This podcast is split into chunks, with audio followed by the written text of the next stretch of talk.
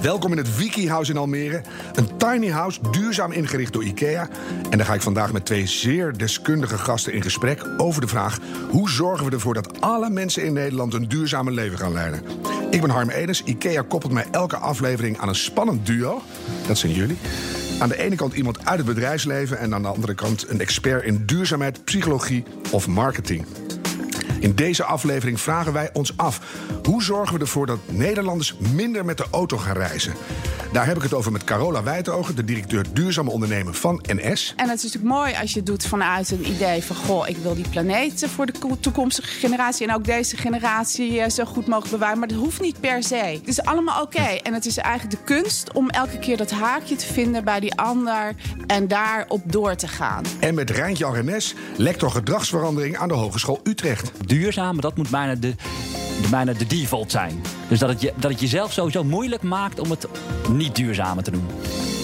Carola en Rijntjan, welkom in mijn mini-studio. Dankjewel. Dankjewel. Het, is, het, het voelt groot, maar het is best klein. Het is heel klein. Dank voor de uitnodiging. Het zit ook nog eens een keer vol met allemaal mensen om ons heen. Ja, er wordt, er wordt op ons gelet. Ja, dus dat is goed. Dus dan gaan jullie vast hele degelijke antwoorden geven. Carola, mag ik met jou beginnen? Toen jij begon was jij de allereerste directeur duurzaam ondernemen van NS. Was het duidelijk wat je moest gaan doen? Of zeiden ze, veel succes? Ze zeiden ook veel succes. En ik heb een aantal eh, maanden de tijd genomen om te kijken hoe collega's eh, het bij andere bedrijven deden. En nou, ik heb gekeken wat zou er kunnen passen bij NS. En eh, op basis van dat model heb ik een voorstel gedaan. En toen was wel redelijk omlijnd wat ik zou gaan doen. Maar ik had wel bedacht dat ik het in ongeveer drie jaar klaar zou hebben. En ondertussen zit ik al zes tot zeven jaar op deze positie. Nou, dat kan twee dingen betekenen. Of ik ben heel slecht in mijn vak, of eh, het is gewoon nog niet klaar. En eh, ja, volgens mij eh, is het gewoon nog niet klaar. Dus wat de transitie van ons vraagt, is gewoon enorm. Het is ook een heel groot bedrijf, Het is een dus- heel groot bedrijf. En, ehm, en het is ook gewoon niet klaar. Dus je ziet, als je kijkt naar duurzaamheid, dat er steeds weer nieuwe thema's op ons pad komen. En daarom denk ik dat eigenlijk eh, wat ik eerst dacht, dat een duurzaamheidsdirecteur of een MVO-manager ehm, eh, zichzelf overbodig zou moeten maken, is nu wel de algemene overtuiging van alle MVO-managers dat we nog wel even moeten blijven om ervoor te zorgen dat we uiteindelijk met z'n allen verduurzamen. Ja, tot 2050 ongeveer of zo. Hè? Dan, eh, Ja, dan moet nou, het echt wel klaar zijn. Ja, nou laten we daarvoor gaan. Maar ik weet niet of ik dan eh, nog actief Er ben. nog zit.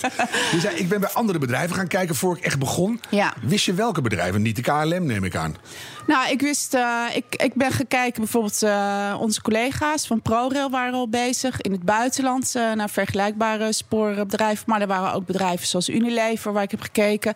En ik heb vooral gekeken van goh, hoe ziet de organisatie eruit en wat zijn de thema's? En ik heb natuurlijk ook veel met stakeholders gesproken, dus NGO's die aangaven, eh, nou, dit zijn voor ons de belangrijkste thema's waarop jullie het verschil kunnen gaan maken. En op basis daarvan, van al die gesprekken en al die informatie, hebben we toen een plan gemaakt. Dat is nu alweer zeven jaar geleden. Ja. Weet je nog eh, iets waarvan je zei... hé, hey, maar goed dat ik gekeken heb bij de buren... want daar had ik helemaal niet aan gedacht. Eh, ja, het, eigenlijk het aller, allerbelangrijkste is dat zij zeiden van ja, je moet ervoor zorgen dat je afdeling niet te groot wordt. Dus niet te veel mensen en niet te veel budget. Nou, dat is natuurlijk afschuwelijk. Maar daarvoor, daardoor zorg je er wel voor dat zeg maar, de mensen in de business, zoals we dat noemen, zelf aan de slag gaan. En dat is eigenlijk een belangrijkste. Kijk, als je een grote afdeling duurzaamheid eh, hebt, dan denken ze van nou, dat zoekt eh, de afdeling duurzaamheid wel uit. Terwijl als je het klein houdt, dan moet je, word je ook gedwongen om eigenlijk met mensen in de lijn of in de business de projecten aan te pakken. Ja. En dan blijft het er niet naast staan, maar wordt het echt geïntegreerd. En dat is uiteindelijk is dat mijn opdracht om ja, duurzaam ondernemen te borgen in alle activiteiten en processen van uh, Nederlandse spoorwegen. Dat het in de kern van je bedrijfsvoering Ja. gaat zitten. Ja, maar dat lijkt me vanaf het begin hartstikke moeilijk. Want er staat ook zo'n zo'n nieuwe mevrouw... en dan kijkt iedereen een beetje glazig aan van... nou, daar heb je haar. Ja, precies. En daarom is het heel belangrijk om heel snel een succes te boeken. Dus eh, eigenlijk eh, is, moet je bedenken van... goh, wat zou nou een aansprekend project zijn? Daarmee aan de slag te gaan, dat is een succes te maken. En dan op het moment dat je succes hebt... dan denken mensen van, hé, hey, wat gebeurt daar? Daar wil ik eigenlijk ook wel iets van weten of eh, aan meedoen. Dus heb je meteen En, alle eh, wc's uit de sprinters gegooid. Het duurzaam ophouden werd het toen. Ja, nou, dat heb ik niet gedaan. Wat ik heb gedaan is... Uh, bijvoorbeeld waren er al uh, heel veel... Uh, of enkele machinisten bezig met energiezuinig rijden. Dat was toen al iets wat vanuit het vakmanschap van de machinisten was ontstaan. Mm -hmm. En dat ze, ze hebben we eigenlijk groot gemaakt. Want het was natuurlijk een gigantisch mooi project.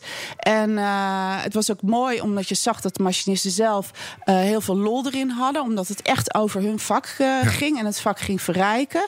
En, en, en dat, dat was een van de succesprojecten waar, uh, waar uiteindelijk ook iedereen heel enthousiast uh, over is geworden. Waar behoorlijk wat energie mee besparen. Ja, zonder dat je dan fundamenteel echt groot iets moet veranderen, heb je al je eerste resultaat binnen. Exact, exact. Dus, dus het belangrijkste is ook om te kijken van goh, wat gebeurt er eigenlijk al in je organisatie? Met name als je een grote organisatie hebt met heel veel mensen die ja, van hun vak houden. Hè, de monteurs ook. Dat zijn mensen die eigenlijk intrinsiek al gemotiveerd zijn om zich duurzaam te gedragen. Mm -hmm. En op het moment dat je daar eigenlijk een strik omheen doet en dat groot maakt en die mensen ook podium geeft, dan denken mensen van hé, hey, wat leuk is dat eigenlijk. Ik ben en goed met mijn vak bezig en doe iets goeds voor de planeet. Ja, ik ben beter dan ik dacht eigenlijk. Ja. Je hebt een boek geschreven over jouw ervaringen. Ja. Na zeven jaar vind ik best snel.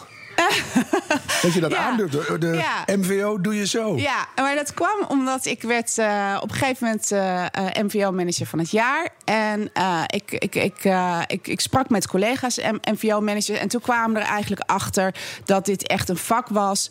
En dat het ook een vak is dat voorlopig nog wel even nodig blijft. En dat het daarom ook belangrijk is om het te professionaliseren. En wij hebben eigenlijk allemaal het vak geleerd door met elkaar ervaringen uit te wisselen en kennis op te bouwen. En er was niet zoveel voorhanden aan, aan boeken. En als ik jouw boek uit heb, wat, wat ja. is dan het belangrijkste wapenfeit waarvan ik denk: hé, hey, dat moet ik onthouden van corona? Uh, nou ja, is dat je eigenlijk op het moment dat je met een ander uh, persoon spreekt en je wilt duurzaam gedrag trekken, dat je uh, moet vragen en moet kijken van goh, waar zit nou eigenlijk dat haakje voor die andere persoon? En daarbij alles is goed. Dus je hoeft ook niet uh, uh, zeg maar normatief daarin te zijn. Want op het moment dat jij uh, je duurzaam wilt gedragen omdat je denkt dat je daardoor meer geld kunt verdienen, of dat je daardoor denkt van nou, daardoor krijg ik meer sociaal aanzien. Of je komt of, in de hemel. Of, of je zo. komt in de hemel. Ja. Het is allemaal goed. En, en, en het is natuurlijk mooi als je het doet vanuit een idee van goh, ik wil die planeet voor de toekomstige generatie en ook deze generatie zo goed mogelijk bewaren. Maar dat hoeft niet per se. Het is eigenlijk en allemaal oké. Okay. Het is allemaal oké. Okay. En het is eigenlijk de kunst om elke keer dat haakje te vinden bij die ander en daarop door te gaan. En, en duurzaamheid een... heeft zoveel aspecten dat je altijd wel iets kunt vinden en, en daarmee door. Dan. Maar het vereist ook een echte interesse in de ander. Ja. Dus ja. dat is ook weer mooi. Ja. Dus het menselijke ja. gehalte neemt ook toe. Als je terugkijkt op zeven jaar, waar ben je het meest trots op? Nou ja, ik ben het meest trots op. Je gaat dat helemaal stralen nu. Ja, ja, ja, dat alle onze treinen op, uh, op, op windstroom rijden. Dat is zo cool. Groen-oranje stroom. Ja, dat ja. is echt heel tof. En uh, we zijn daarmee ook het eerste land in de wereld waarin ja, de treinreizigers op windstroom kunnen rijden. Nou, dat vind ik ook een stukje Hollands glorie, wat ik, wat ik heel graag uh, vertel. Het heeft enorm veel impact, heeft ook navolging. Um, nou, het leuke van het verhaal is ook dat onze CEO, Roger van Bokstel, die heeft zich ook aan een windmolen laten vastbinden. Ja, we hebben het en, gezien uh, allemaal. een YouTube-filmpje laten zetten. En nou, dat filmpje is viral gegaan, zoals dat al heet. En er zijn de cameraploegen uit de hele wereld zijn naar Nederland gekomen om die treinen te filmen. Maar ja, daar was natuurlijk totaal niks anders aan die treinen te zien. Maar goed, ze kwamen toch en ik het verhaal vertellen. En, en nou ja, dus hebben ze verder hebben ze nog wat windmolens gefilmd en wat klompen en wat tulpen. En wij zaten op het acht uur journaal van, nou ja, noem maar op, Moldavië tot met, uh, ja. nou ja, ver weg. Die malle Hollanders nou weer doen. Ja. ja. En zijn haar zat beter na afloop. Vond je ook ja. niet? Dat is echt dat is een verbetering. je, je, zeven jaar geleden begon je. Je ging neuzen bij de buren. Je dacht, zo ga ik het ongeveer doen. En het grappige is, je koos een aantal focuspunten. En die gelden nu eigenlijk nog steeds. Energiebesparing, duurzame opwekking, circulariteit en inclusiviteit. Ja, klopt. Hoe, klopt. hoe, hoe kon je zo goed raakschieten? Uh, tja, uh, ik denk dat als je kijkt naar uh, de thema's van duurzaamheid voor ieder bedrijf eigenlijk, moet je heel goed kijken van goh, waar, wat is je core business en waar kan ik dan in die core business, in die kernactiviteiten het verschil maken. En onze kernactiviteit is nog steeds hetzelfde, duurzame mobiliteit. En daarmee zijn eigenlijk deze thema's ook nog steeds relevant. Ja. En helaas is mobiliteit nog steeds ongeveer 18 tot 20 procent van de CO2-uitstoot in Nederland. En dus is er nog steeds heel veel te doen. We kunnen wel zelf onze activiteiten uh, klimaatneutraal uh, maken. En dat hebben we ook gedaan. Alleen, uh, nu moeten we er ook nog voor zorgen dat mensen andere keuzes maken met betrekking tot reizen. Hoeft heus niet altijd de trein, maar ook lopen en, en, en, en, en minder reizen of anders reizen. Minder is ook goed. Hè? Ja, daarom hebben we hier een degelijke ja. gedragswetenschapper. Ja. Maar het mooie is, die uitgangspunten kloppen nog. Ja. Hoe vertaal je die nou door in de volgende zeven jaar? Waar ben je nu mee bezig? Hoe circulair ben je bijvoorbeeld al? Ja, uh, nou, ook wel een super gaaf project. En daar ben ik ook trots op, maar ik moest er eentje kiezen. Maar uh, als je kijkt naar de laatste, meest recente modernisering van uh, onze Intercity-trein, dat is die dubbeldeks-trein. Mm -hmm. daarvan hebben wij nu uit de oude trein 86% van de materialen weer opnieuw gebruikt voor de nieuwe trein. Inclusief de conducteurs. Inclusief de conducteurs en de machinist.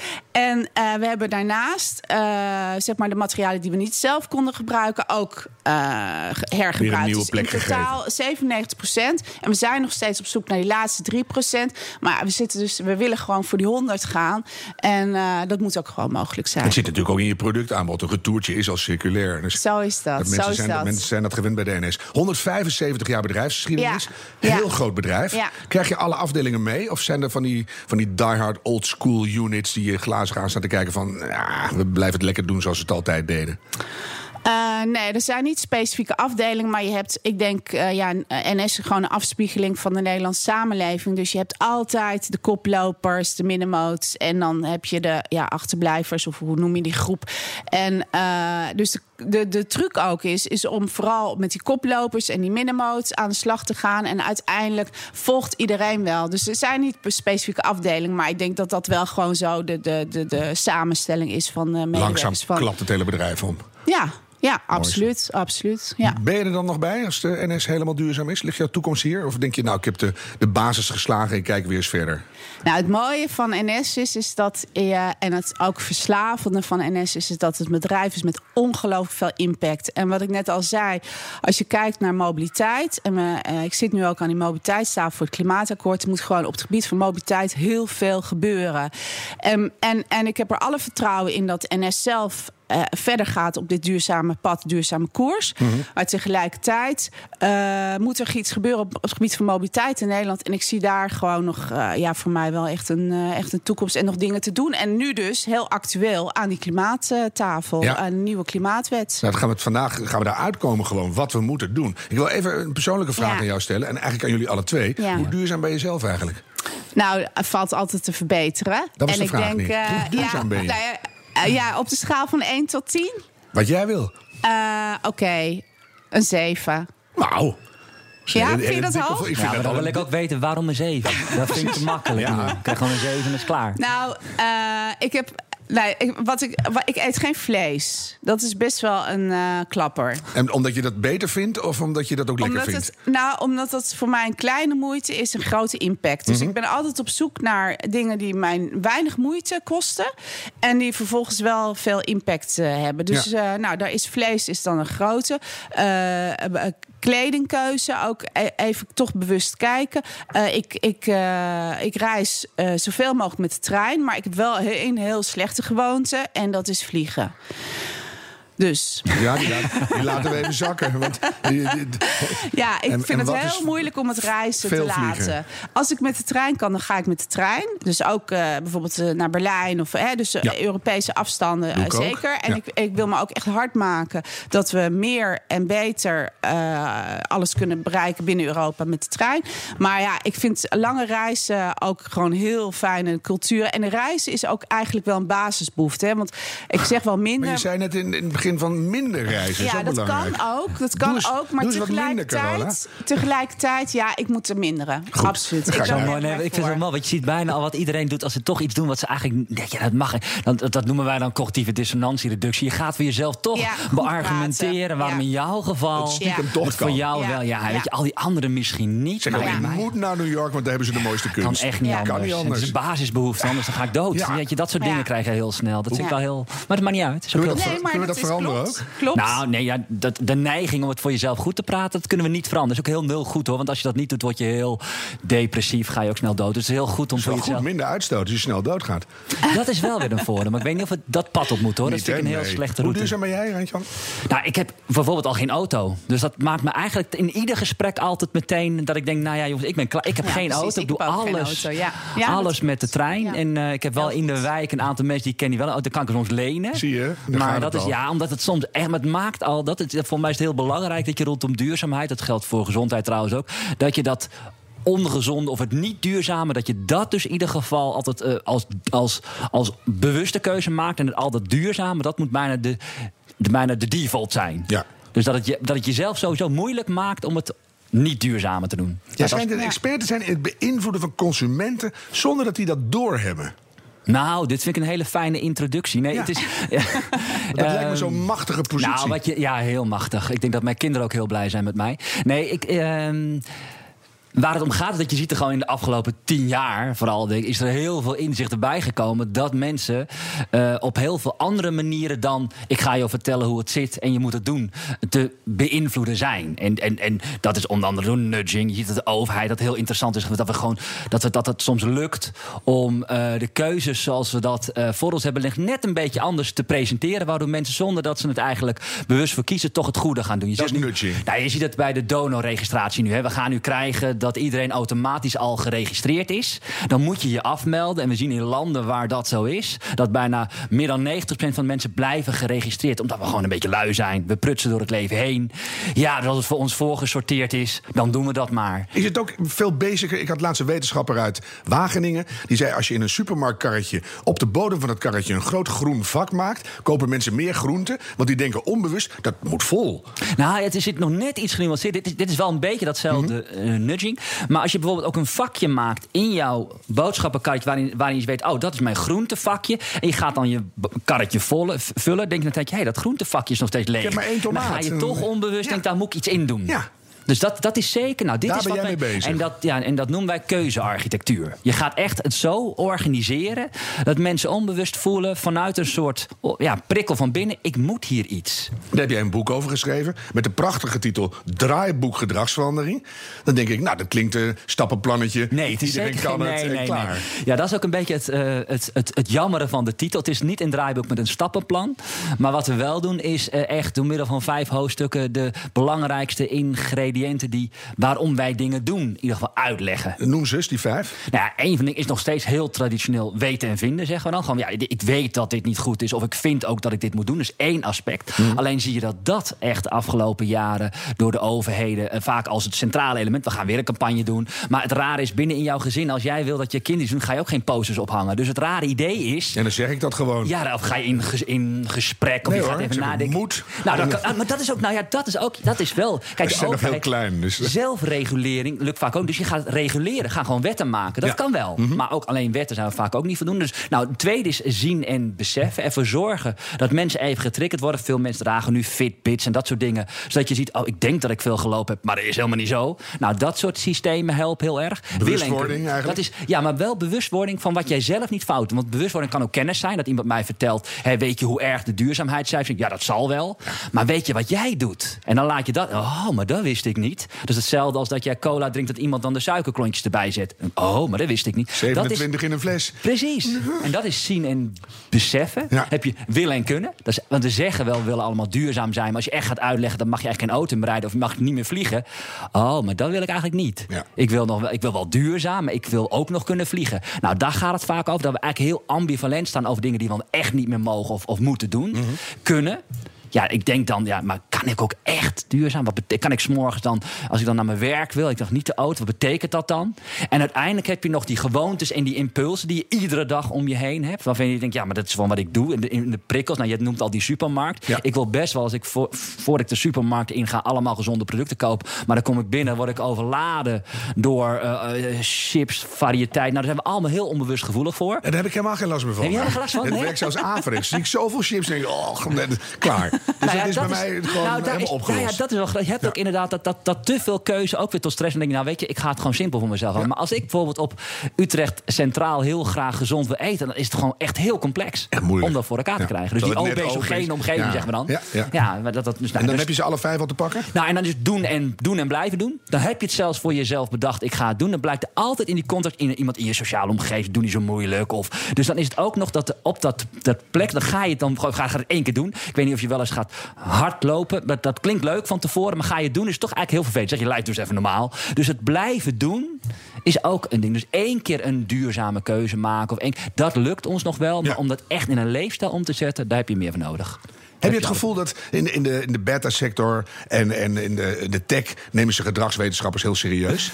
In al andere bedrijven, Nou, bijvoorbeeld de NS. Nemen ze ons serieus? Ja, vind ik wel. Nou, Niet? ja, dat vind ik wel. Vind, ik vind heel lief dat je het zegt. Ja. Maar eh, nee, wat ik vaak juist, wat ik last. Kijk, tuurlijk. Ik denk dat iedereen inmiddels gedragswetenschappers ergens wel serieus neemt dat het belangrijk is. Maar ik word soms juist verdrietig over. Dan is het allemaal heel erg vanuit de technologie ontworpen.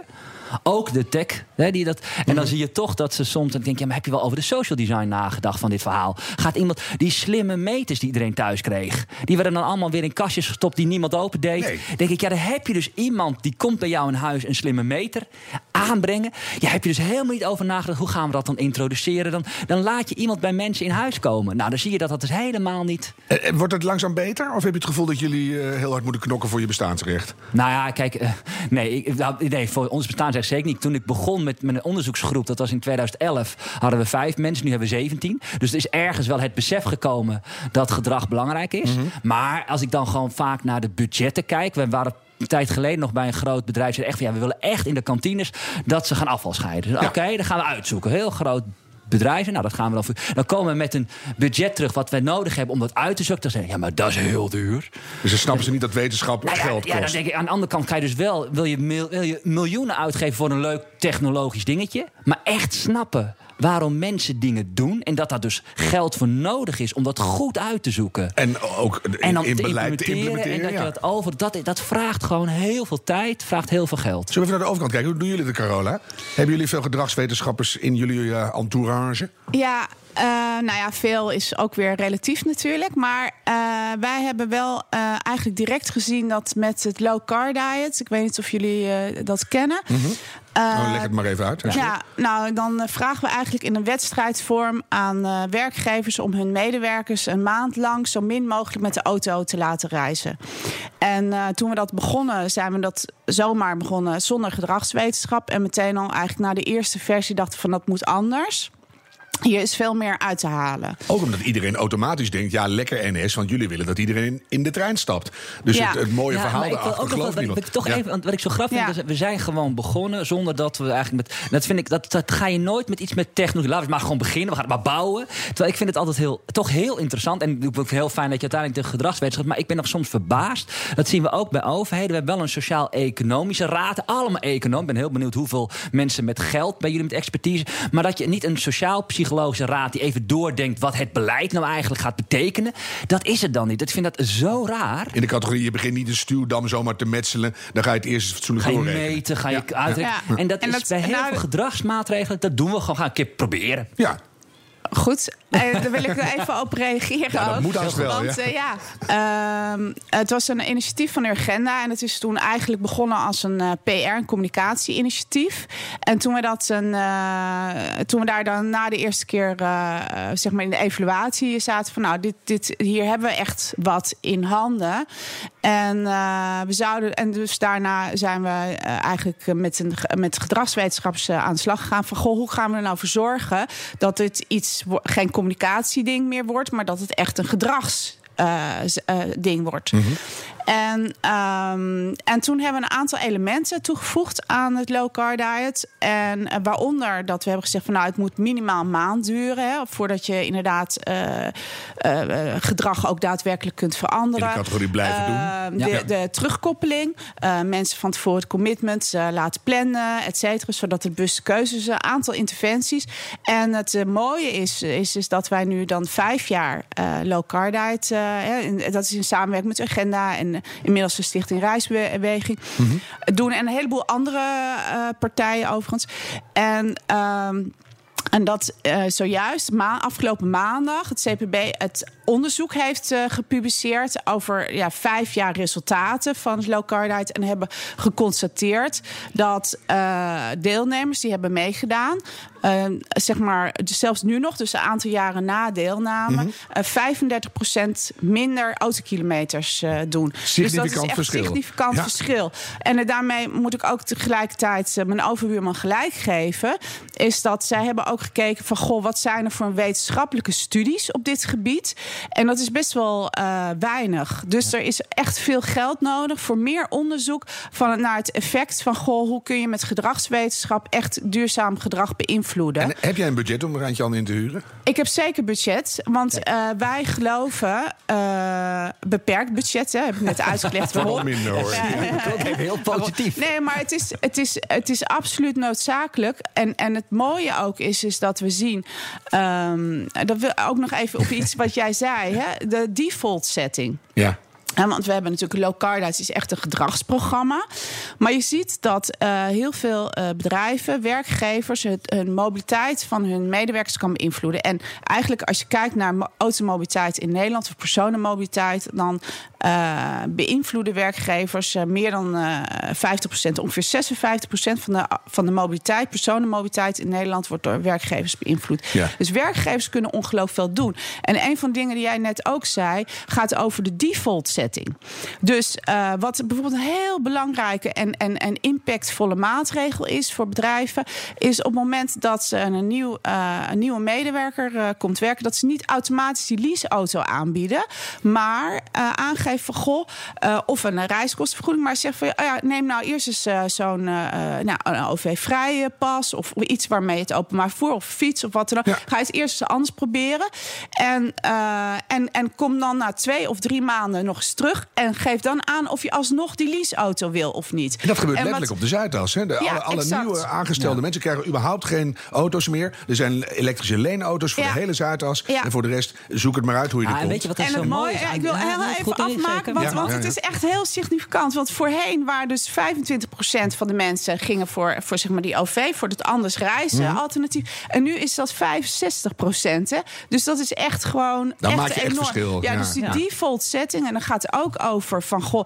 ga je met het vliegtuig em, of ga je kijk je of bijvoorbeeld default de trein ook een, een eh, oplossing is. Hè? Dus veel van de is- zit ingebakken in ons eigen systeem, waarin we eigenlijk de default hebben op niet duurzaam. Ja. En we zouden moeten kijken, Ja. het systeem eigenlijk moeten, moeten uitvogelen om te kijken van, goh, waar kunnen we dat nou veranderen? En ook niet meer nadenken, want soms is met de trein Exact. naar Berlijn super relaxed. Ja. Ja. Dat is veel Ja, leuker. maar wat ik ook wel interessant vind aan die. Want er zit nog één ding ook vast aan die default setting. Daarmee communiceer je ook nog eens een keer impliciet een hele duidelijke norm. van wat je eigenlijk als Normaliter samenleving- doet. Ja, dit is normaal. Ja. Dat andere, dat is eigenlijk afwijkend gedrag. Je Ja. mag het doen. Als wij bijvoorbeeld uit eten gaan met de onderzoeksgroep. dan zeggen we: jongens, eh, het is vegetarisch. Wie er heel graag vlees, dat kan. Ja. Dan gaan we dat regelen. Ja. Nou, er is bijna niemand die nog zegt: ik wil per se vlees. Dat is heel grappig. Wel een Ja. goede zijn, toch? Ja. Zou heel Ja. goed zijn. Ja. Nou, we Ja. hebben helemaal geen vlees. Nou, nog één schele kippenpoot. Nou ja, Ja, maar je, kan wel, maar, je- maar je zegt niet van je mag geen vlees. Nee, je mag vlees. Dan gaan we dat, maar, maar dan draai je het wel om. Nu is het vaak zo. Er is, Ja. vlees. is er iemand die per se vegetarisch Ja. wil? Zullen we één tandje Heel filosofischer? kansrijk vind ik dat. Eén tandje filosofisch. Is beïnvloeding de, de beste manier om die gedragsverandering bij die consument sneller te bewerkstelligen? Eh, Of, of moet je gewoon wetten maken? Is dat niet veel makkelijker? Ja, mag je daar iets over zeggen? Want Ja, ik denk, ik, denk, ja, ik denk dat beïnvloeding klinkt alsof dat iets is wat losstaat van wetten maken. Kijk, ik denk als je naar de overheid bijvoorbeeld kijkt, dat is een iets andere partij, maar die hebben eigenlijk vier instrumenten om gedrag te beïnvloeden. Dat is wetten maken. Maar die gaan op zichzelf alleen werken die vaak onvoldoende. Want dan ga je nog steeds door rood rijden of zo. Dat gebeurt nog steeds. Maar daarnaast kun je- gaan wij de voorzieningen gaan we aanpassen. Op zo'n manier dat datgene wat we willen dat je gaat doen... ook makkelijker wordt of eenvoudiger wordt. Daarnaast heb je vaak financiële middelen, sancties of subsidies. Je kan het zo regelen dat datgene wat je wil... Hè, kijk ook bij roken, dat is steeds duurder geworden. En daarnaast heb je communicatie en alles wat erbij komt kijken. Ja, die vier samen, dat is allemaal bedoeld om ons te beïnvloeden. En wetten, en beter aanbod, en duidelijker. En al, Ja. al die dingen bij elkaar. Ja, dat, dus dat gaat dan. allemaal. En dat samen maakt Ja. dan dat je gedrag verandert. Ik ga Ja. twee dingen aan jullie laten horen. En daarna graag jullie reactie. Roken is zo je naaktfoto's uit laten lekken. Coma zuipen. Of zo'n naamketting. Dat is lelijk. Roken is zo dekkeren. Of dipdye kan ook eigenlijk niet meer. Onderkant van je haar verpesten in een andere kleur. Dat zal ook alweer uit. Roken is zo niet meer van deze tijd. Roken kan echt niet meer. Ja, Rijntjan, kijk eerst naar jou. Ja, dit is een beetje jammer. Dat je, ja, dit is, dit is een. ehm, Ik vond het wel leuk nog. Ja, maar- is heel leuk. Maar, tegelijkertijd, als je, als, je, als je een voorbeeld wil pakken van een manier van communicatie over een onderwerp. wat gewoon vaak precies het tegenovergestelde oproept, is dat dit. Dit is een campagne die natuurlijk ooit is bedacht met het idee. we gaan duidelijk maken dat roken echt niet meer kan. Maar wat je daarmee doet, is nou bijvoorbeeld al de groepen. die nog wel een bepaalde associatie met roken hebben. omdat ze zelf roken of omdat ze eigenlijk wel interessant vinden. Mhm. Ja, die schieten meteen in de weerstand. We hebben iets van eh, zeven of acht weerstandsstrategieën. die meteen, on, die meteen ontstaan. Je gaat de bron omlaag, wie is deze zeikert. Maar toch is die campagne in de loop van de jaren succesvol geweest. Nee, niet deze Veel campagne. Minder, Ja. Nee, deze dan net niet, maar... De, de- Het, het, het tegen roken zo. heel goed. Ja, maar dat zie je, dat is het interessante. Dat juist roken is een heel mooi voorbeeld. Waarbij alle elementen hè, van eh, overheid die de wet steeds meer aanpakt. Ik weet of dat klinkt dat destijds die. die besloot als minister, je mag inderdaad niet meer in de kroeg. Maar het was toen nog, eigenlijk vond hij dat zelf een hele nare maatregel. Dus Ja. hij ging in een rookhol, in een kroeg ging hij uitleggen dat het niet meer mocht, maar dat we nog steeds wel. Dus dan zag je dat de norm nog steeds een beetje onduidelijk De was. spagaat was hij zat echt een volledig spagaat. Ik vind het nog een beetje, ik vind het moeilijk. Maar ik heb er nog één. Oké, heel goed. NS-conducteur Xander Philips maakt dagelijks mee dat reizigers na het laatste fluitsignaal nog instappen. Ja, het gebeurt geregeld eh, natuurlijk dat mensen naar binnen springen op het laatste moment. eh, vooral in de spits. Eh, ja, het gaat meestal loopt het wel goed af. Hè. Eh, de conducteur die bewaakt dat natuurlijk eh, ja, dat het goed gaat. Lukt ook 9 van de 10 keer eh, wel. Maar er zit natuurlijk altijd een gevaar. En als iemand een keer iets over het hoofd ziet, eh, ja, dat het wel fout gaat. Dat mensen echt bekneld komen te zitten. Vervoerder Arriva pakt de vertrekprocedure anders aan. Bijna tijd, er komen er wat mensen aan. Dus nu gebruik ik het fluitje om de mensen te laten rennen. Dat doe ik even zo. Dus dat is eigenlijk, kijk, dan gaan ze al gelijk. Heel kek fluitje. Dat was een nieuwsfragmentje naar aanleiding van de NS-campagne. Fluiten betekent niet meer instappen. Die heeft niks met jouw afdeling te maken, Carola. hè? Dus daar kunnen we vrij Barto op... Boer, kun je even zijn naam noemen? Barto. Barto. Kunnen we even vrij op reageren. Wer- Werkt dit, Randjan? Nou, dit is, ja, het is een beetje gemeen, want deze gebruik ik heel vaak een heel mooi voorbeeld hoe het niet moet. Aha. Eh, daar staat ook heel duidelijk, staat er vanaf nu, hè, staat ook in de, in de campagne. Vervolgens zie je heel groot een, eh, een jongen op een fiets met een stokbrood. En dan is het de bedoeling dat we allemaal snappen dat we vanaf nu niet meer in de trein mogen stappen. Nou, en als ik altijd vraag aan de zaal, wat doe jij als het fluitje gaat? Zegt iedereen, ja, dan ga ik rennen. Keihard rennen. Ja, en als iemand zegt, nou, ik ga misschien niet rennen... dan zie je, ja, maar als, als andere mensen ga ik ook rennen. Dus je rent al mee met anderen. Ja. En, eh, en de aarde is ook net, als je dan toch zegt, ik wil niet, dan zie je dan conducteur, nou, kom maar. Dus je ziet dan aan alle kanten dat die campagne op zichzelf...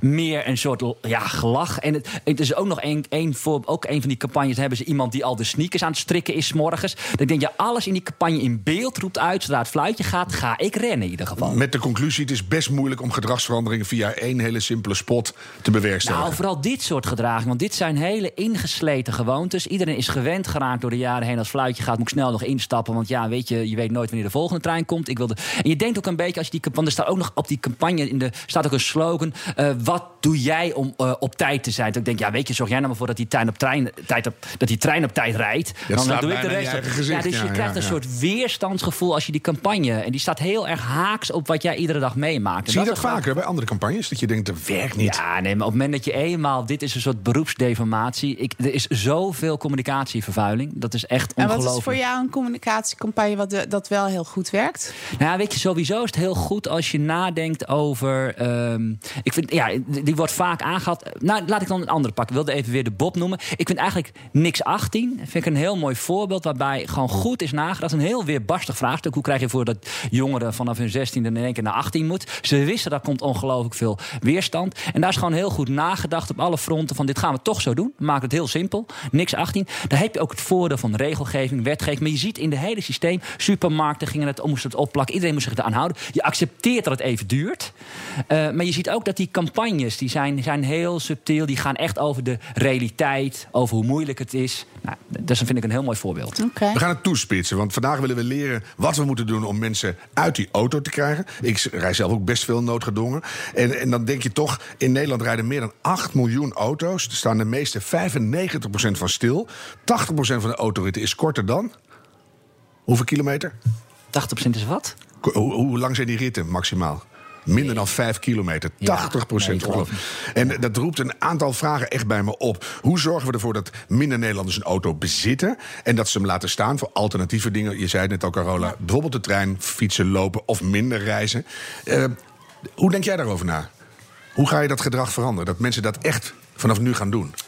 Nou, ik heb er net al iets over gezegd. Uh, wij hebben eigenlijk de analyse gemaakt en gekeken van goh, uh, wat is nou de context in Nederland waar veel mobiliteit plaatsvindt? En dat is toch, uh, de werkgever is er toch best wel bepalend voor, ook voor die privéritjes. Mm -hmm. ik noem de leaseauto toch maar weer om He, daar zit ook een stuk fiscaliteit omheen, waardoor mensen denken van, nou god, ik heb nou eenmaal die bijtelling betaald en ik wil eigenlijk continu he, dan die leaseauto ook optimaal uh, gebruiken, optimaal gebruiken ja. waardoor je eigenlijk een hele perverse prikkel krijgt om juist meer uh, te reizen en niet met die fiets te gaan. Dus leaseauto dus, is een hele kwaai eigenlijk. Nou ja, is op zich wat het wat, wat, wat je ziet in het mobiliteitssysteem is dat het niet flexibel is.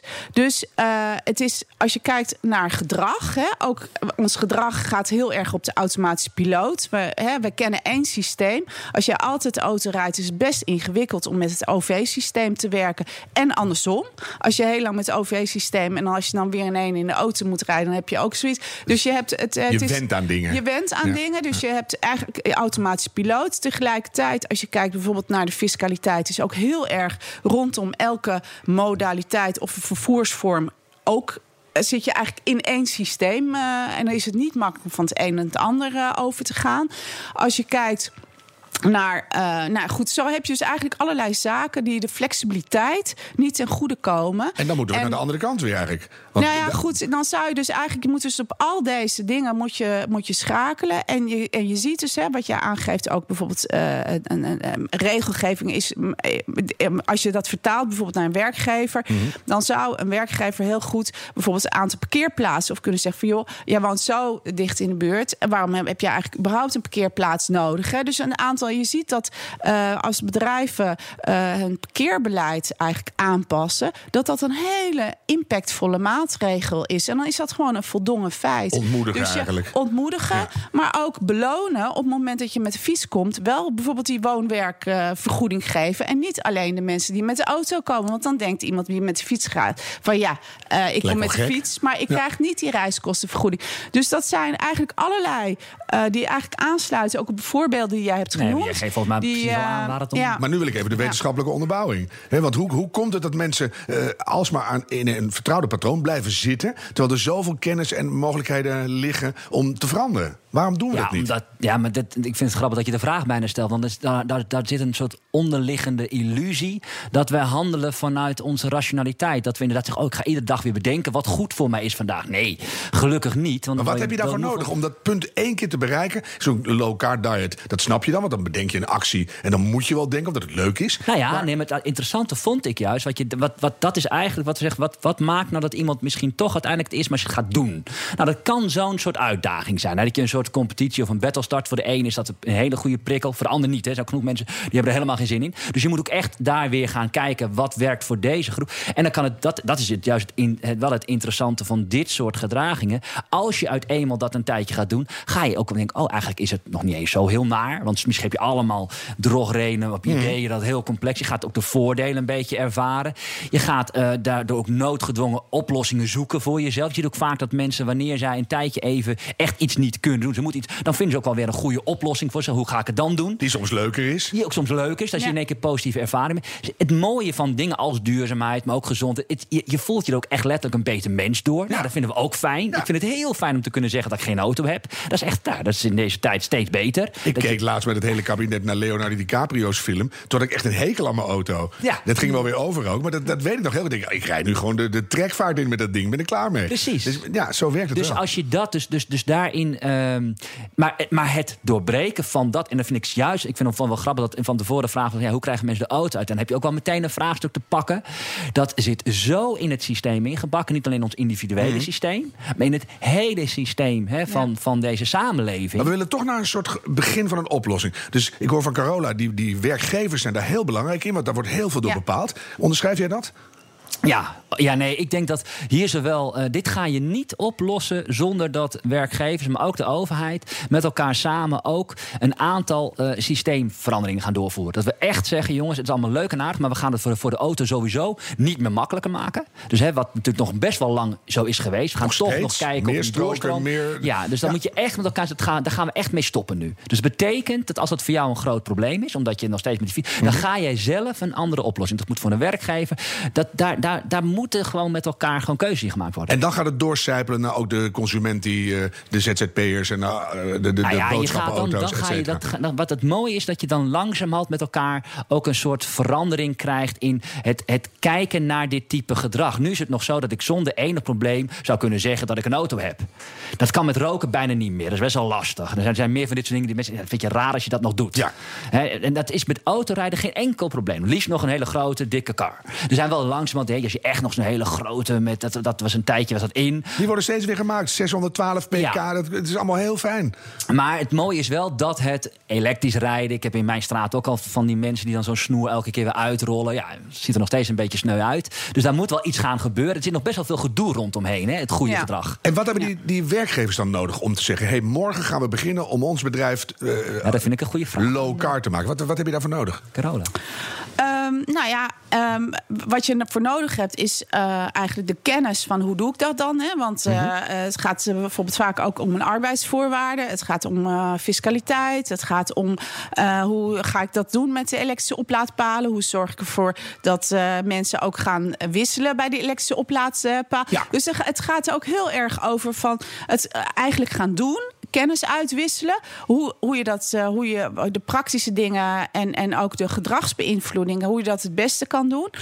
Eh, en tegelijkertijd eh, heb je ook, wat jij ook aangeeft, voldoende flexibel aanbod nodig. Hè, dat er voldoende elektrische auto's zijn, bijvoorbeeld als je elektrische leaseauto's wilt, Ja, wilt kopen. ja. Dus het, het gaat gewoon eigenlijk om en tegelijkertijd voldoende flexibel duurzaam aanbod. Mhm.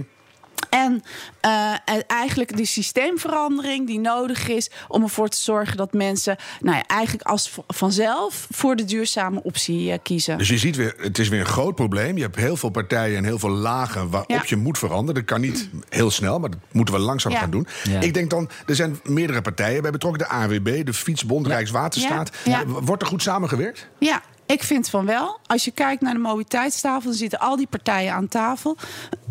Als je kijkt naar de mobiliteitsalliantie, zitten ook al die, al, die partijen aan tafel. Het is ook niet dat de ene, dus de auto, elektrische auto de oplossing is, of het OV de oplossing, of fiets. Nee, het is een combinatie van al deze duurzame eh, vervoersmiddelen. En dan is het ene het goede, dan is het andere het goede. En eigenlijk zou het zo moeten zijn dat iedereen kan kiezen op elk moment dat vervoermiddel zonder dat hij daardoor het systeem in een ander hokje wordt Ja, maar eh, wat ik, dan wel, wat ik nog wel merk, en dat vind ik bij duurzaamheid rondom dit thema, wat ik wel een beetje last nog vind, wat je bij de energietransitie nu wel merkt, is dat Mhm. er heel duidelijk is, wij moeten in 2050 allemaal van het aardgas af zijn. Ja. Er zit een heel dwingend eindpunt in. En dat, Ja. daarin zie je wel dat iedereen met elkaar gaat zitten meebewegen. Vind dat- Asbest moet eruit. Klaar, Asbest, nou, gebeurt. dat vind ik hier mis ik soms dan wel iets van een soort dwingend van hey, in 2030 gaan jullie met elkaar dit. Wat, wat ik ook wel interessant vind, je ziet dat het rondom smartphone gebruik in het verkeer. Zijn echt alle partijen nu. Ineens ANWB meer. zitten met elkaar ook echt. Ook Flitsmeister. Iedereen zit met elkaar aan tafel. Dit kan ook echt niet meer. Daar gaan we iets aan doen. Ik merk dat ik het ook gewoon eigenlijk niet meer doe. Nee, het is al twee jaar geleden kon je nog wel op een feest zeggen... nee, ik zit ook soms nog wel op mijn smartphone. En je ziet dat daar die norm aan het veranderen Ik is. En stuur de hele hier- verhalen gewoon Ja, en ik zou het hier wel interessant vinden... dat je toch met elkaar zou gaan zoeken... eh, zowel overheid als bedrijf... van, nou, kunnen we een aantal hele concrete gedragingen noemen... van we eigenlijk vinden, dit kan niet meer. Bijvoorbeeld hè, je kinderen met de auto naar school brengen. Dat kan gewoon niet meer. Gaan we daar, wat gaan we daar nou allemaal aan doen? Vind je echt een goeie. Ja. Hoe, hoe hard is de lobby naar Den Haag?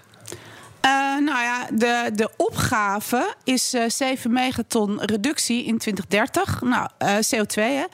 Eh, dus, en hoe vertaal je dat dan in een aantal gedragsveranderingen... die uiteindelijk gaan leiden tot die 7 Maar megaton? is die, is Dus die al, volgens is die al eh? Ik ben, zou dan heel graag weten, is er al een taxonomie aan gedragingen gemaakt... waarvan we zeggen, hey, die zijn cruciaal, daar gaan we er drie van uitzoeken. Daar gaan wij ook echt van elkaar zeggen, dat gaan we reduceren. niet meer. Dat, nou, dat mag niet meer, dan gaan we in ieder geval terugbrengen. Ja. Tot, en dat, vaak dan blijft het op dat, dat grote getal hier Ja, staan. En ja, ik, eh, zolang ja. we dat niet Ja. gaan concretiseren in doelgedragingen... blijft dat heel makkelijk ook onderhandelen met elkaar? Want niemand voelt zich echt verantwoordelijk voor het ene gedrag. Dat wil ik even Ja, weten. nou, volgens mij is dat een hele mooie eh, eh, toevoeging. Hè, wat er nu moet gebeuren. Dus je ziet vanuit de, eh, de werkgevers dat er nu een koplopersbeleid is. Mhm. Dus wat zijn dan de tien maatregelen die je zou moeten nemen als bedrijf om ervoor te zorgen dat je uiteindelijk per bedrijf dan 50% minder CO2 uitstoot op het gebied van mobiliteit. Dus Ja. die zijn er. Ja. En je zou kunnen kijken van goh, welke van die tien maatregelen zou je kunnen vertalen naar een soort met algemene gedragingen voor de Ja. hele Nederlandse samenleving. En, en wordt er Om, dan eh, geluisterd in Den Haag naar je? ja, eh, Ja. We luisteren allemaal heel goed eh, naar elkaar. Want op dit moment zijn we in, de, ehm, in, het, in het maken van die klimaatwet. Waar mobiliteit gewoon een belangrijk onderdeel van is. Want- dus volgens mij eh, is dat heel goed naar elkaar luisteren. En vervolgens heel concrete afspraken maken over hoe we die megatonnen gaan eh, binnenslepen. Ja, want hier boks je tegenaan. Als je een leaseauto hebt, dan werkt het zo dat je voor je werken mag rijden, maar dan ook in je vrije tijd. Het maakt eigenlijk geen bal uit hoeveel je nou rijdt. Want je, hebt, je betaalt één keer een bedrag per maand en dan mag je zoveel van rijden als je wil. En dat doe je dan ook. Echt voor elk wisselwasje, als je toch weet van ja, het kost me niks. Dan ga je. Ja. Werd net al genoemd. Ja, maar ja. hij staat er wel, hè? Ja. Ja, maar Ja. ik vind dit zo Ja, fijn, en- want en- dit en- is wel wat. Nee, maar ik vind Ja. het, want dit is echt die burgerperspectief. En dat, ik snap altijd wel dat op andere niveaus er redeneringen zijn waarom het niet anders kan. Ik vind het ook altijd heel, heel spannend dat eh, ik dan niet in de file mag met mijn auto. Dat snap ik, dat wil ik dan ook. Maar dat ik dan wel meer moet betalen als ik met de trein ga in de file. Want dat wil eigenlijk ook niet dat ik in de file of op Ja. datzelfde spits. Dus heb ik op twee momenten word ik gestraft dat ik, ik, dat ik denk, ja, maar dan moet iemand moet die even schuiven. Of maak het dan voor mij in de spits juist goedkoper dat ik met de trein ga. Maar Zoveel treinen hebben ze niet. Nee, ja, dat is het probleem. En ik snap ook wel dat iedere partij dan weer vanuit zijn eigen eh, eh, een, een redenering heeft. Maar dan wordt het voor mij wel heel complex. Maar ik vind het fijn dat je hem noemt, want ik heb hem ook staan. Oh. Hoe, hoe gaan we dat oplossen? Iedereen moet die auto uit. Hoe komen we toch grotendeels in de trein uit? Zit die trein weer bomvol? Dan krijgen we Japanse toestanden. Hoe gaan we dat oplossen? Eerst bij Carola en dan wil ik een filosofische oplossing. Nou, ik denk dat we ehm, ehm, zeker, je hebt eh, in de spits, eh, op, zowel op de weg als op het spoor, is het gewoon ja, te weinig capaciteit als we met z'n allen eh, zouden gaan reizen. Dus hoe ga je zult wisselen? Ook, ja, je zult ook moeten nadenken over, en dat zie je ook eh, in eh, wat, naar waar werkgevers ook een rol kunnen sp- spelen. Van ja, wanneer ga ik reizen? Want tegelijkertijd zie je dat in daluren, zoals we het noemen, gewoon hartstikke veel capaciteit in de trein is. En moet jij altijd per se in de, tijdens die spits. Dus je ziet nu al dat er eigenlijk best wel wat succesvolle pilots ook zijn. Waarin je eigenlijk met doelgroepen kijkt van goh, eh, zou je misschien op een ander tijdstip kunnen reizen? En ik denk dat we gewoon ook ons moeten realiseren als Nederland dat we gewoon een, een, een dichtbevolkt land zijn. En dat we dan ook eh, ja, moeten kijken van hoe, hoe kunnen we nou het beste optimaal gebruik maken van de capaciteit eh, die er is. Ja, Randjan, hoe gaan we die mensen uit die spits halen? We- Nou ja, hoe eigenlijk krijgen we zou dat je, nou, gedrag ik, vind het wel- veranderd? ik vind het op zich wel heel interessant vraag. Want eigenlijk zeg je hier ook weer dat het bijna zo moet zijn dat, dat iets gaat ontstaan. Ik ga toch niet in de, met een soort default, ik ga toch niet in de spits rijden. Dat is heel raar. Dat ik op Ja. dat moment Ja. naar buiten stap om Ja. het vervoer in te gaan. Dus ook daarin moet je bijna een omdraaiing gaan krijgen. En dat betekent dus op alle niveaus. Oké, wat ga ik dan doen? Ik wil eerst morgen mijn kinderen nog even naar mijn werk brengen. Dan ga ik eerst nog een uurtje of twee School. thuis werken. Dan ga ik vervolgens. Maar dat betekent echt dat je met elkaar. Dus, en dat gaat weer over hetzelfde. Dat, die, dat het hele systeem en de manier waarop hoe we onze gewoontes hebben opgebouwd. Dat moet doorbroken worden. hoe En daar doorbreek je heb dat? daar, nou, Dat- daar heb je werkgevers dat je zijn daar dingen bijvoorbeeld. omdraait, heb je heel ja, duidelijk maar daar gemaakt, zijn, maar ja, hoe maar daar, je zijn, daar zijn werkgevers wel een ongelofelijke kansrijke partij voor. Ja. Want, want die kunnen gaan bepalen. Kijk, ik, het, het, is, het klinkt even heel, heel stom. Maar er zijn echt nog heel veel werkgevers die toch van jou verwachten dat je om negen uur er bent. Ja. Of liefst eerder. Ja, en liefst eigenlijk om acht Ja, uur. ja. En, ehm, en ook dat jij gewoon daarin de hele dag doorwerkt. En ja, als je thuis zit, dus er zitten toch best wel veel elementen... die gewoon vanuit een soort oudsher heel klassiek zijn opgebouwd. Hoe gaan we die werkgevers dan bereiken? Ja, dat, dat, ik heb eerlijk gezegd niet heel veel vertrouwen in het zelfregulerend vermogen van werkgevers. Dus ik denk dat in dit soort vraagstukken, die, dat gaat over collectieve vraagstukken, hè, gaat over duurzaamheid, gezond. Er zijn vaak.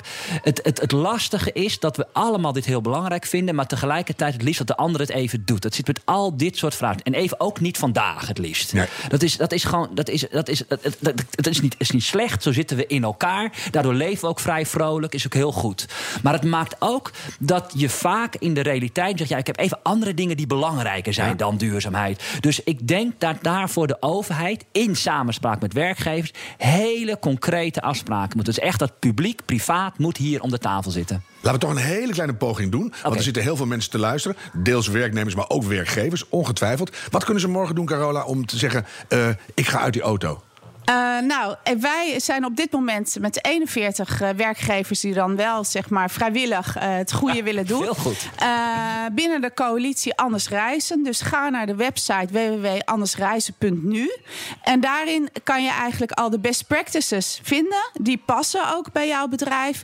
En daarmee eh, kun je je medewerkers al meekrijgen om, eh, om, om duurzamer te gaan reizen. Dus dat is volgens mij heel concreet. En, en sluit je bij het collectief aan. Wordt geïnspireerd, ook Ja. mooi hè? Reizen, anders reizen, punt nu. Niet punt morgen of punt kom nog wel een keer, Nee. maar nu. Nee, en, ik- en de werkgevers die hier aan meedoen zijn gewoon echt heel enthousiast. Hè? Want we hebben het nog niet genoemd. Het gezondheidsaspect is ook heel groot. Dus op het moment dat medewerkers meer gaan fietsen, gaan lopen. En zelfs met het OV, dan ben je gewoon meer in beweging. En dat is echt een, eh, echt een, eh, een heel goed eh, extra voordeel. Ja, gek van geluk worden. Rijntjan, wat moeten we Nou, doen? gek van om geluk. uit die Dat auto te niet, komen? maar het is toch mensen Nee, willen graag fit blijven. Maar- Gezondheid nou, is een belangrijk Nou, ik vond het wel argument. Interessant. Zeer belangrijk, ja. Maar ik vond ook jou, wat jij vraagt, wat gaan we morgen doen? Nou, wij zeggen altijd van, nou, nee, niet morgen. Want dat is juist het grootste gevaar.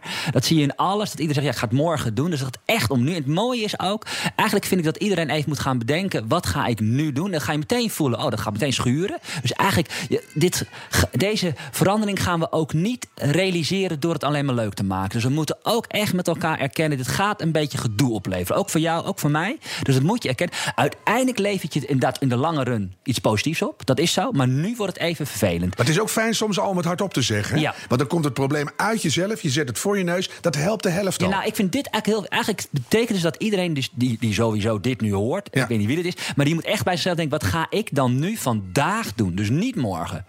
Wat ga jij vandaag doen? Ja, Ik ga zo meteen weer lopend terug naar de trein. Dat is best wel een stuk, 20 Ja, minuten. Die is te makkelijk. Dat was je toch al van plan. Dus. Ja, doe, doe er nog toch maar al iets bij. Oké, ik, ik, we hebben in Amersfoort vrij beroerde afvalscheiding. Ik zit al lang tegenaan te hikken. Maar dat ga ik eh, vanaf vandaag anders regelen. Dat Beloofd. beloof ik. En mijn kinderen horen dit, dus die, eh, die weten dit ook. Carola, wat ga jij anders doen? Ja, ik ga dit gesprek eh, heeft me toch op het idee gebracht van goh, zijn er nu eh, zeg maar generieke gedragsprincipes die je kunt vertalen naar eh, mobiliteit in Nederland, waarmee, je ja, waarmee je eigenlijk ja, eh, nou ja, de, de tonnen die we moeten besparen kunt realiseren. Dus ik ben geïnspireerd geraakt door dit gesprek en ik ga nadenken over hoe, gaan we, hoe ga ik dat vertalen weer naar, eh, nou, naar de, de klimaattafel. Ik ben blij. Ja. En het leuke is ook als je er zelf aan begint. Tegen die tijd dat die wetten komen, dan is het wat makkelijker voor jezelf. Ja. Dus het is allemaal eigen belang. En dat werkt altijd goed. Dank Carola Weidogen van de NS en gedragswetenschapper Rijntje Aldrenis. Fijn dat je luisterde vanuit dit Tiny Wikihouse in Almere. Deze heel Nederland duurzaam podcast wordt je aangeboden door IKEA. Wil je weten wat je allemaal nog meer kan doen om een duurzamer leven te gaan leiden? En dat moet. Luister dan ook naar de andere afleveringen in deze serie. En abonneer je via de app van BNR. Hou hoop en doe het duurzaam.